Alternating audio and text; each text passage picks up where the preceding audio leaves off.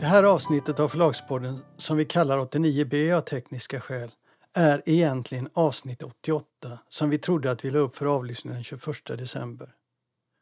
Tyvärr var jag och Lasse Winkler ovanligt klantig när det skedde och la upp avsnitt 89 två gånger. Så bättre sent än aldrig kommer här avsnitt 89B.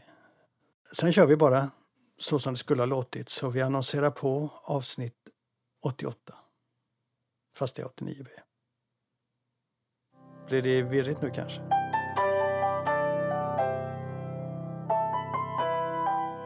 Välkomna till ett av årets sista avsnitt, nämligen avsnitt nummer 88 av Förlagspodden. Eh, det har kommit väldigt mycket reaktioner på vårt förra program. Jag har fått mer mejl än vad jag har fått någonsin eh, med rubriken Lasse Winkler har fel. Och eh, när de där mejlen brukar komma så brukar jag bli lite upphetsad och arg. Nu blev jag faktiskt inte det för jag tycker inte att det här var något allvarligt fel. Men det är många som reagerat och de har reagerat på att du sa eh, med eftertryck att vi finns inte på Spotify. Och då har, då har väldigt många sagt att det gör ni visst för vi lyssnar på Spotify. Så vad var det som hände, vad var det som hände här Lasse? Ja, det är ju faktiskt så att jag har tidigare i våras talat om att vi ligger på Spotify, inser jag. Alltså? Ja.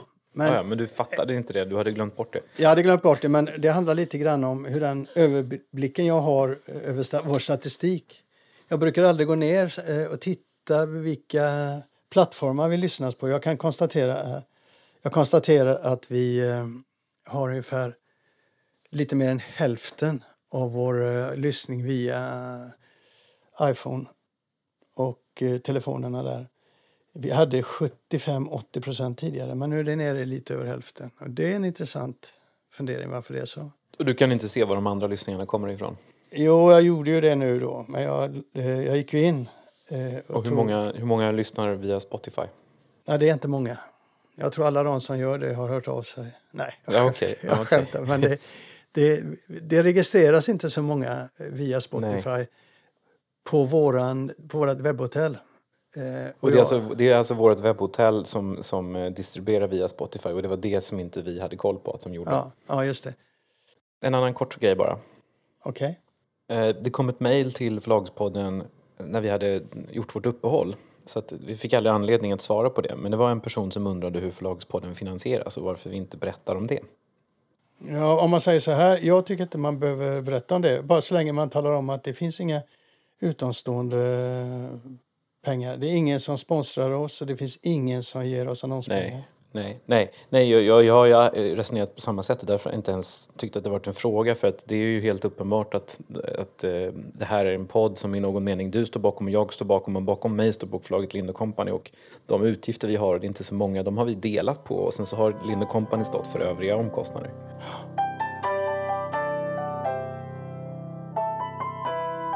Första ämnet i i avsnitt 88 eh, är en sån där fråga som vi återkommer till med jämna mellanrum tyvärr. Och i det här fallet handlar det om, eh, det börjar med ett mejl till eh, Lind Company, eller till Kristoffer. Och så sker det en mejlväxling och jag tänkte att vi ska börja med att läsa upp den. Vi kommer inte nämna personen i fråga, vi kommer bara berätta hur det kan se ut. Ja, eh, frågan kom då så här. Hej! Hur kan det vara legitimt att ni publicerar en bok år 2020 där n-ordet används frekvent? Med vänlig hälsning XX. Och då svarade inte du först? Nej, då svarade inte jag först. Eh, och det berodde på att eh, det är så uppenbart att den här personen inte är intresserad av dialog. Och det är så uppenbart att den här personen inte är intresserad av att eh, liksom verkligen publicistiskt nyfiket undra hur vi resonerar kring det här. Utan hon vill ju bara nita oss. Och det är helt, man blir lite osäker på om det här är en person som har liksom funderat på att hänga ut svaret i någon Facebookgrupp eller om det är en journalist som låtsas att den är en privatperson. Man har liksom ingen aning. Nej, så du avvaktade? Så jag avvaktade, ja precis.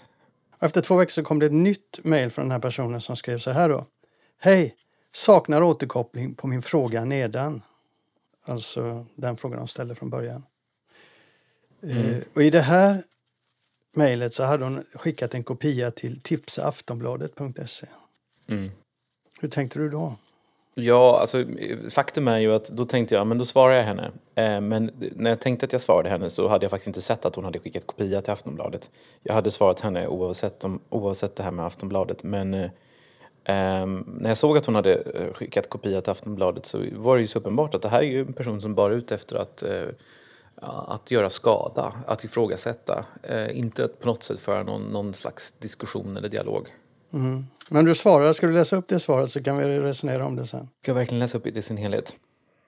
Ja, det tycker jag. Det är viktigt. Läs lugnt och fint nu. Okej. Okay. Ja, då läser jag upp det i sin helhet. Och jag kan också då, innan jag börjar, så kan jag säga då att det är boken det gäller, vilket intressant nog inte hon skriver ens, utan jag utgår ifrån att det är det.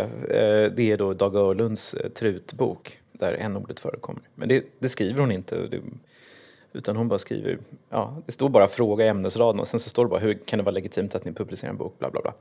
Ja, men då svarade jag så här, och det här är lite långt, jag ber om ursäkt för det. Hej XX. Nej, att oreflekterat använda n-ordet i en bok 2020 är väl tveksamt. Men det gör ju inte heller Dag Örlund. Tvärtom används ordet för att visa på att bokens huvudkaraktär Evert Trut inte hänger med i sin tid. Trut vet att ordet är konfliktfyllt och han använder inte heller när andra hör på utan han pratar med sig själv. Författaren använder alltså n-ordet för att spegla ordets betydelseförskjutning, samhällets utveckling och en äldre mans tankar. Sedan gäller det också att se till den större kontexten. Vad är det här för bok? Vilka åsikter förmedlas? Vad vill författaren med karaktären Evert Trut? I likhet med exempelvis en man som heter Ove är Trut en man vars fördomar kontrasteras mot en verklighet som han motvilligt accepterar och så småningom omfamnar. Han är fördomsfull mot bögar, men när hans son visar sig vara bög inser han att de är precis som alla andra.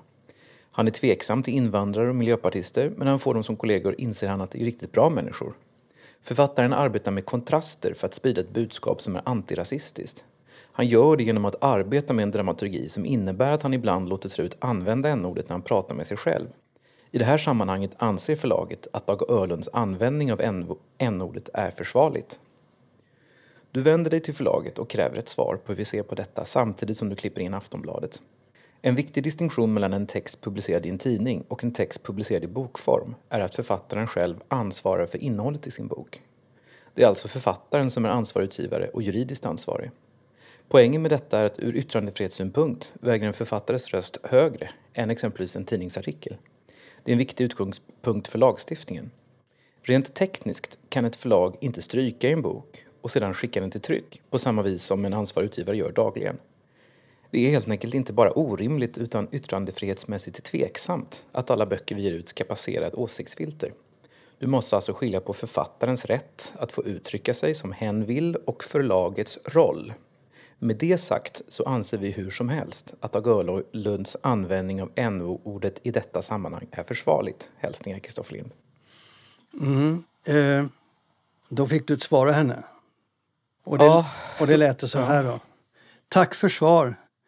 Min instinktiva reaktion var ilska, men som du säger ska man självklart se hela kontexten. Det är dock lätt att fokusera på det som utlöser reaktionen. Och för, for your information, hade ni svarat på min första mejl så hade jag inte valt att kontakta media. Med vänlig hälsning XX. Ja, hur, jag tycker det är viktigt att vi tar upp detta i podden. För jag tycker att eh, det är så många förlag som har så svårt med såna här frågor. Så man behöver lyfta dem och stödja varandra.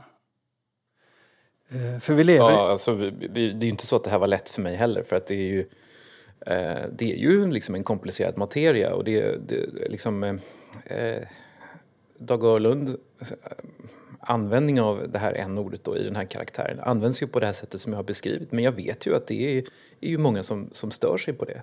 Ja, så är det ju. Men, men så ser världen ut idag. Alltså det kan sitta någon hemma vid en dator och bestämma sig för någonting och sen direkt knacka ner det. Oavsett faktakontroll, oavsett tyngd, oavsett allting så kan han bara skicka iväg det. Och det sker också hela tiden. Så ser som sagt världen ut idag. Med sociala medier och med nät, nät, tillgången till nät och så. Men det intressanta är att du, har inte, du kan inte förhålla dig till sånt här annat än att du måste orientera dig i det, oavsett vad du tycker om det. Själv har jag ju levt hela mitt liv med de här frågorna.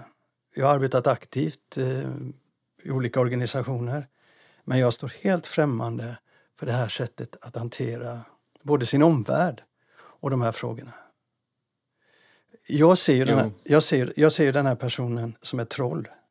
Bara självrättfärdigheten i att den här personen anser sig ha rätt att ta upp tiden, har rätt eh, för någon som ska svara, har rätt att kräva svar och bli jättearg när, när den här personen inte får svar.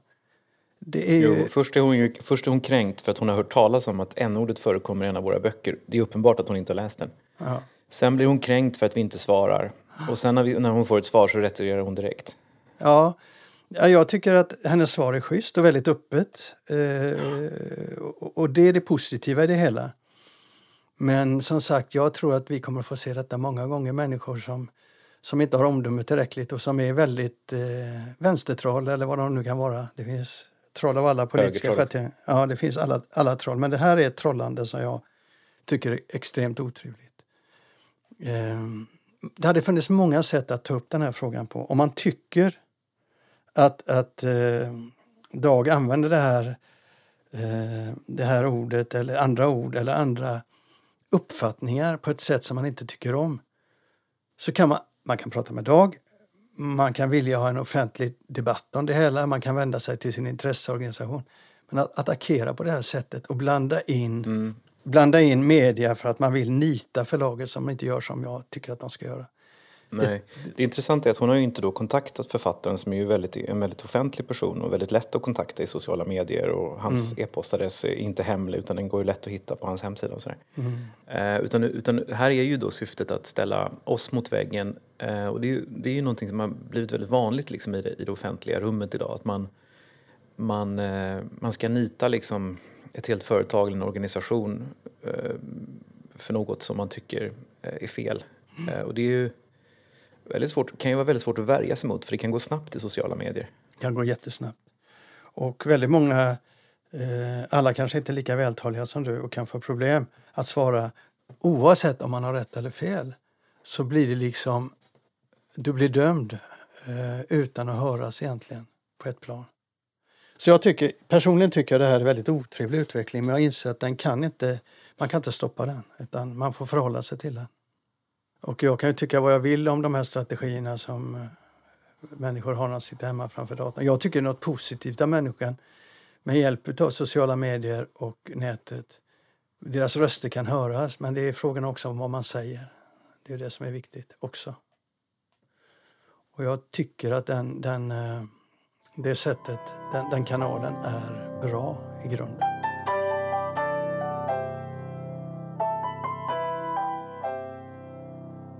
Jo, jag har läst en understreckare av en professor i litteraturvetenskap i Göteborg som heter Åsa Arping. Och hon har skrivit en understreckare som är väldigt tänkvärd. Den heter Försvar för rätten att drabbas av en roman.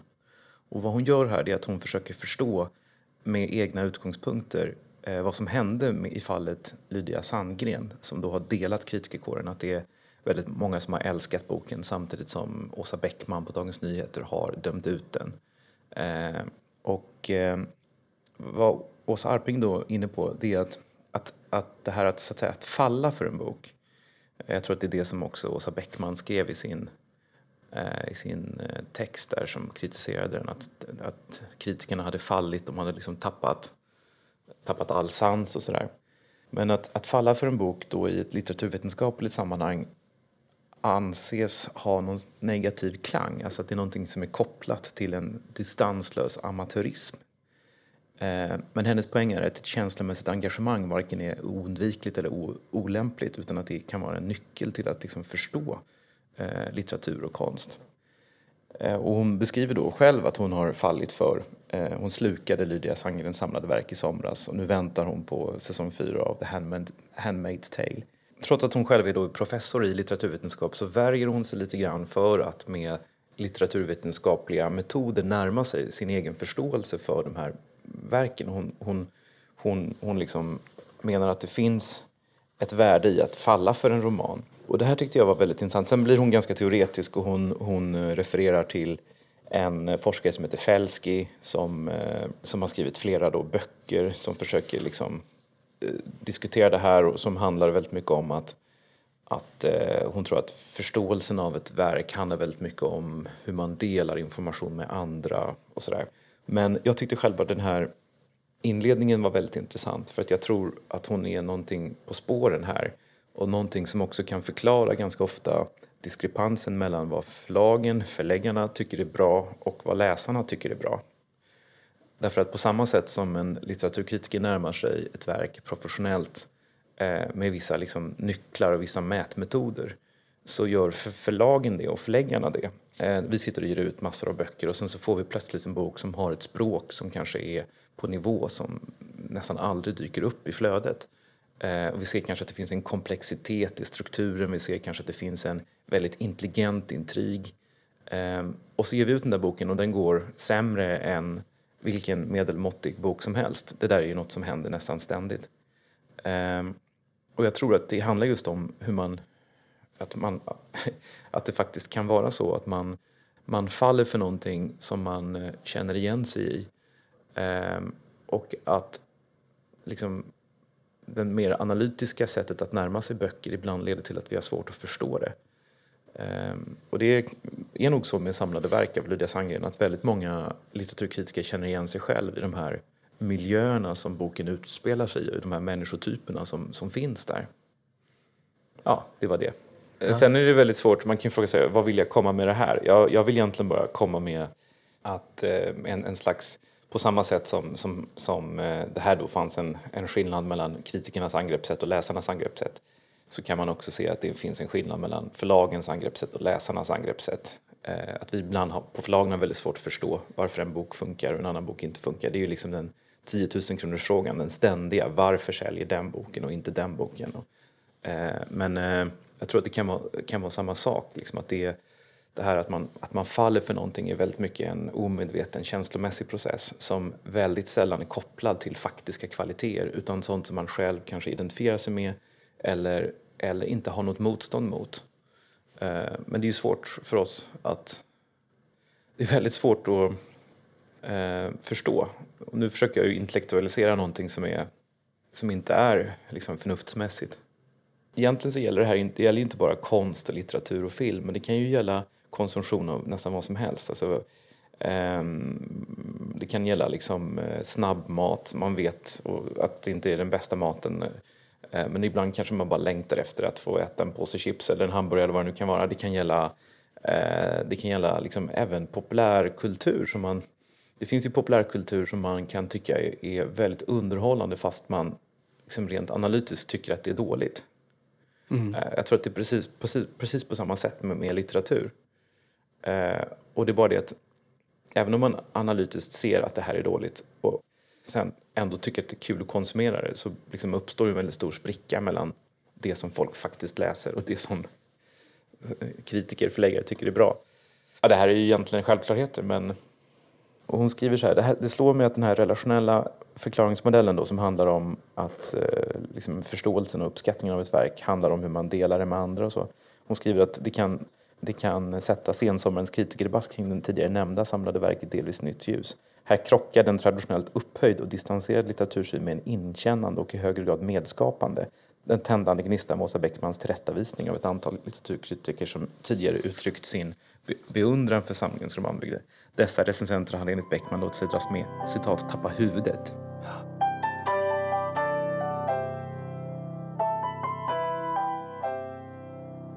Du brukar få en plattform för självbeundran, höll på att säga, men du brukar få en plattform där du får prata om läget på förlaget och vi brukar diskutera vad, vad som präglar den här eh, tiden på året och nu i coronatider. Så ja. gör det, vi låter oss prata om det nu när vi spelar in det här så är det ju nästan jul och eh, december är ju alltid en väldigt eh, stressande månad för att man, man, eh, man är så orolig för hur det ska gå och sådär. Även på förlagssidan så är det en väldigt viktig månad. Och eh, det konstiga är ju att hittills så har det ju sett väldigt bra ut. Alltså det har ju varit Året i sin helhet har, har vi tappade väldigt mycket försäljning under våren. Eh, vi har även tappat lite digitalt under året i sin helhet, vilket eh, kanske kan förvåna folk. Men jag tror faktiskt också att det är lite grann en coronaeffekt Det har blivit en sån otrolig utgivning av, av ljudböcker nu så att eh, konkurrensen har ökat så pass mycket så att vi har faktiskt tappat, så under sommaren så tappade vi, tappade vi rätt mycket försäljning. Eh, men pappersförsäljningen har vi tappat men i eh, oktober så hade vi var första månaden där vi sålde mer pappersböcker än under oktober föregående år och sen så fortsatte den positiva utvecklingen i november. Och eh, den har också fortsatt i december vilket är otroligt glädjande. Det fanns ju en, en oro att väldigt mycket av julhandeln hade startat tidigare och att det sen skulle liksom dö ut. Men det har faktiskt fortsatt ganska bra. Du hade ju dessutom eh, den goda lyckan att få en eh, Årets deckare på svenska. Ja, lycka och lycka. Den, den fick ju priset för att den var det bästa. Nej, men det, alla vet ju att sådana där priser kan vara ganska orättvisa och, och man ska ha lite tur också. Men, men eh, Tove Alsterdal vann ju årets bästa deckare pris för årets bästa deckare, svenska deckare av Svenska Deckarakademin för sin roman Rotvälta. Eh, och det var ju väldigt roligt, för det var första boken i en ny serie och eh, det har ju gett den en otrolig skjuts. Så det är helt klart vår, vår mest sålda bok i höst. Men dessutom så eh, blev den då också eh, gillad av kritikerna. Den låg etta både på Lotta Olssons DN, lista i DN och i Göteborgs-Posten mm, som mm. årets bästa deckare. Så mm. nu behöver du inte vara så irriterad som du har varit andra år när hon inte har vunnit. ja. Nej, men i övrigt, i övrigt så, så har det tickat på. Men, men eh, den utveckling vi har sett under en längre tid, den, har, den står sig ju. Och det är ju att det är, det är ganska svårt med, med, med eh, eh nya författarskap i pappersformaten. Eh, det är svårt att sälja nya, nya författarskap inbundet. Eh, pocket är också svårt, alltså vi har tappat rätt mycket volymer på pocket. Men eh, i sin helhet så, så liksom går det inte att vara annat än nöjd ändå tycker jag. Barnboksutgivningen har ju också varit väldigt drabbad av corona. Det är kanske inte så många som har tänkt på det men, men eh, barnböckerna har drabbats väldigt mycket därför att mycket barnböcker köps i bokhandel och mycket barnböcker eh, tror vi, det är i alla fall teorin, att mycket barnböcker köps till barnkalas och sånt. Under våren så var det mest av det där inställt. Så att eh, barnboksförsäljningen där har vi faktiskt sett ganska stora tapp. Men det har också stabiliserat sig och återhämtat sig under hösten. Hur är det på själva förlaget då? Vad händer? Ja, nu är det snart jul såklart, men vad har hänt nu det här eh, november, december? Hur har det sett ut med arbetet på förlaget? Nej, men det har ju, som alla förlag så har ju arbetet pågått på distans. Alltså på kontoret där, där jag sitter nu så är vi ju bara två, tre personer. Eh, ibland så kommer det in någon, någon extra sådär. Men, men eh, alla på redaktionen har i stort sett jobbat hemifrån. Ja, men vi, är ju, vi är ju 17 personer på förlaget så att det är två, tre här sitter på kontoret. Så det har ju varit väldigt tomt. Ehm, men eh, liksom det har funkat hyfsat bra, eller förvånansvärt bra får man väl säga. Men det känns ju rätt tråkigt. Och så tror jag att det är för alla, eller så vet jag ju att det är för alla förlag.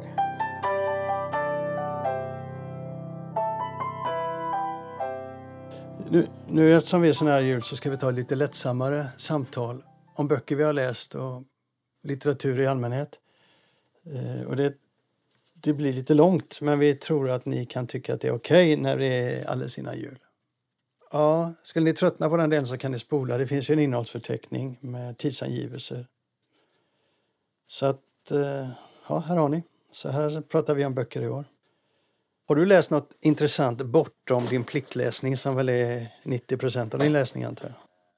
Ja, men det tycker jag att jag har gjort. Jag har läst eh, massor av böcker faktiskt. Eh, men eh, det är alltid jobbigt när du ska ställa den här frågan för jag har så svårt att, att liksom komma ihåg. Och jag tycker att även om man läser väldigt mycket så är det rätt få böcker som överraskar på det viset. Men ska jag lyfta fram en bok så blir det nog faktiskt Åsa Linderborgs bok ehm, årets, vad heter den nu, årets 13 månader. Ja. Den har jag faktiskt inte läst nu, den ligger på min läslista. Varför gillar du den boken då? Därför att när jag hörde talas om den så trodde jag att det skulle vara en bok som var mer, eh, mer liksom kommentarer, mer, mer eh, som, som en resonerande bok kring den kris som hon har gått igenom och eh, metoo och sådär. Men eh, jag förstod när jag började läsa den att det var, den var ju skriven som en roman och den kan läsas som en fortsättning till Mig äger ingen.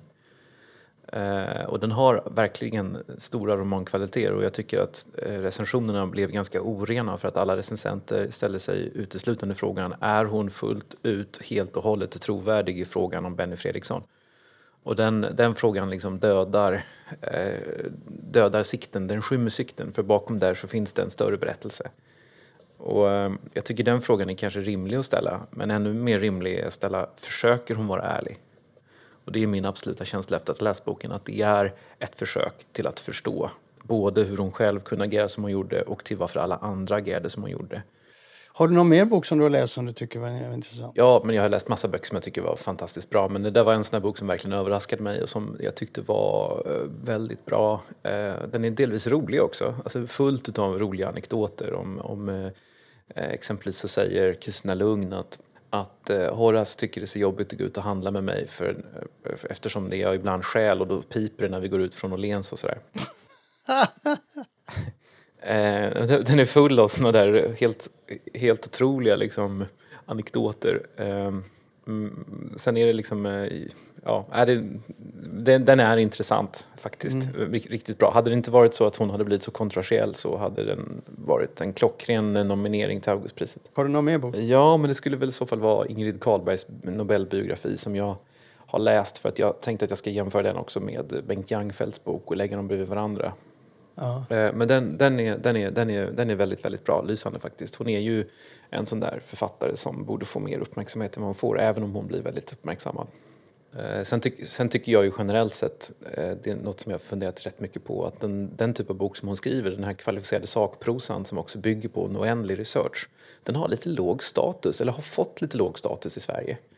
Eh, skön, skönlitterära författare eh, kan bli väldigt hyllade, eh, även sådana som inte säljer så mycket. Eller ja, det, det är ju irrelevant, men, men många skönlitterära författare får väldigt mycket utrymme. Men den där typen av välskrivna biografier som nästan finns kanske bara en handfull i Sverige som kan skriva. Jag tycker inte riktigt att de uppmärksammas som de gjorde förr.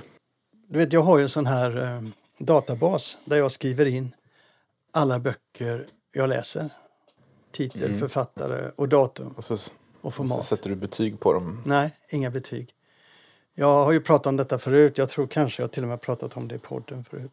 Men min poäng med den listan som gör att jag tycker den är väldigt rolig det är att jag kan gå tillbaka och se eh, och se vilken karaktär jag har som läsare. Och det är inte alltid jag blir så imponerad av mig själv, tvärtom.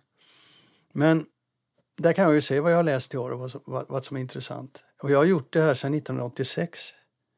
Och till exempel i år då så läste jag eh, 40 pappersböcker och, hittills och 40 ljudböcker lyssnat på. Inga e-böcker. Mm.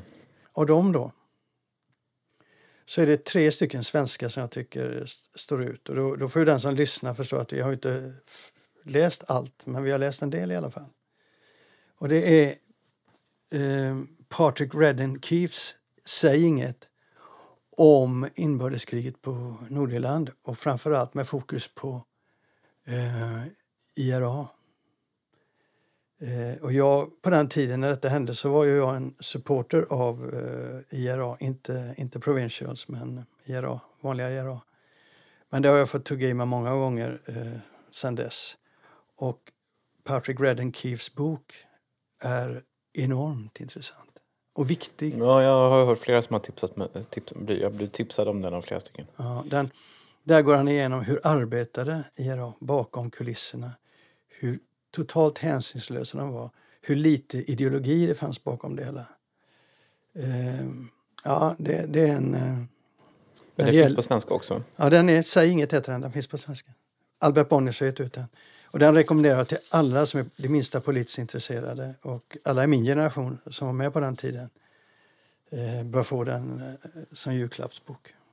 Sen har jag sagt förut också, Tara Westover, Allt jag fått lära mig. Och jag har funderat mycket på den. Den handlar ju om en, eh, en amerikansk kvinna som växer upp i Trumpland i Mellanvästern och i en eller dysfunktionell familj med mycket bokstavskombinationer och psykisk sjukdom. Är de, inte, är de inte mormoner också? Eller något sånt ja, ja, de är frireligiösa. Och eh, den är så fruktansvärt bra och den är ungefär som ett lexikon över hur man skulle kunna göra. Den är så bra så jag undrar, är det sant? Har allt detta verkligen hänt? För det är nästan som jag känner att det är en för perfekt historia. Men bra är den. Det är, den rekommenderar jag till alla överhuvudtaget. Som mm. också är intresserad av samhällsutveckling, politik, men också över människans villkor. Vad en människa kan klara av. Jag ska inte ta bort från den och säga att, att det är någon lögn för det tror jag inte. Det enda jag vet är att den är sann. Men den är så bra så jag undrar, kan det verkligen vara sant? Och jag har inget belägg för det. Kanske inte spelar så stor roll. Nej, jag tror inte det gör det. Och så är den tredje då, det är Claes Östergrens Renegaterna. Jag mm. tycker, mm, jag den har jag också läst. Ja, jag tycker att den är lysande. Det måste sägas. Sen har jag, det finns ju massa fler. Jag har ju eh, gillat också, eh, eh, vad heter hon, eh, Smirnoff, hennes trilogi, bland annat. Men, men eh, Tara Westover kom ut på Naturkultur och Claes Östergren på Polaris. Och sen har jag två stycken eh, engelskspråkiga som jag vill ta med. Och det är australiensaren Jock Sirong, The Rules of Backyard Cricket, som är en eh, deckare men samtidigt eh, väldigt lite så. Den är framförallt en uppväxtskildring eh, som, av bästa slag. Jag tyckte att den var otroligt bra. Jag fattar inte att inte den har gjort eh, sin runda på, på alla topplistor och så. Men den, jag tror inte den kom ut i år, men den är, den är lysande. Och sen en favorit, en ny favorit som jag fått och det är irländaren Kevin Barry som har gett ut Nightboat to Tangier, eller Tangier, eh, som handlar om två män på jakt efter den enas dotter. Samtidigt som den blottlägger deras relationer, deras liv som eh, småkriminella, handlar med droger och så. Och eh, den är verkligen irländsk. Mm. Men lysande, lysande dialoger, lysande reflektioner. Han kan skriva, vet du, om de sitter och pratar på en, eh, på en eh, sån här eh, terminal i, i, i eh, Algeciras, tror jag det är. Det är någonstans i Spanien då, som båten ska ut till Tangier. Tanger där. Och eh, de kan prata om allt möjligt. Plötsligt får de ett infall och så är det en dialog som är så... Du bara sitter och häpnar över den här mannens språk. Över hans fantastiska rikedom när det gäller relationer mellan människor. Alla de fem böckerna kan jag bara säga, det, det bara läs. Sen har det varit ett bra mm. år. Jag har läst massor av mina favoriter. Ja, ta några till. Kanske några amerikanska? Ja, mm. ja jag visste att du skulle säga det så jag gjorde en liten lista på nej, massor nej. av favoritförfattare. Nu har folk redan slutat lyssna. Det har de inte. En, en av de nya jag har gjort, Stephen Mac Jones. En, en, en Detroit-poet som har skrivit två stycken deckare oh, från Detroit.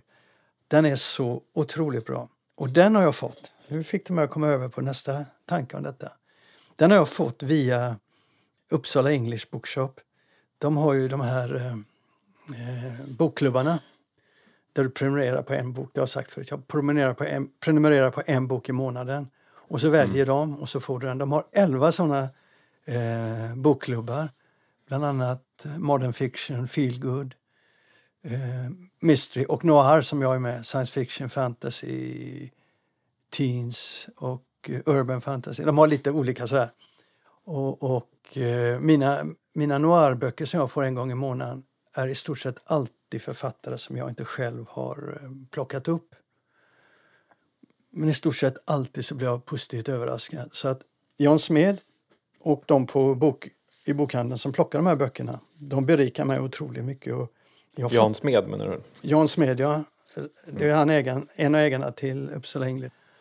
Är det någon som funderar på vad de ska ge till, en, eh, till någon de känner som läser på engelska så ska de absolut ta kontakt med Uppsala English och eh, teckna prenumeration på, på de här böckerna. Det är alltid pocket eller B-format, så mjuka pärmar och kostar tror jag 150 kronor i månaden. Eller om man tar eh, för hela året så får man en rabatt där då, på 300 var det.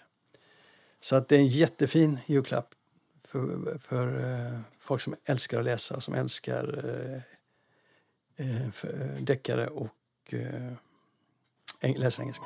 Så det var det. Jag fick jag sagt båda de grejerna.